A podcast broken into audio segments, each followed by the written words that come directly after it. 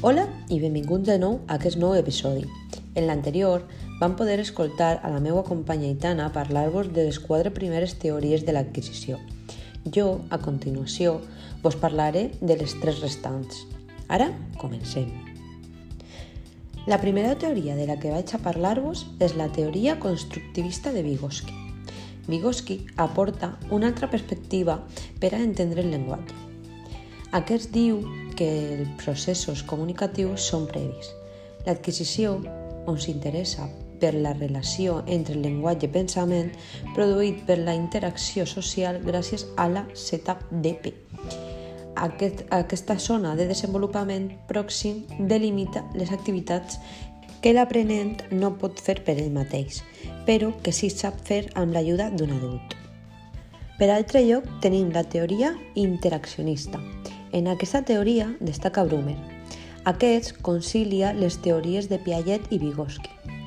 Brumer diu que el llenguatge es pot construir encara que modifica el desenvolupament del pensament. Aquest tipus de llenguatge s'aprèn de forma comunicativa en la interacció.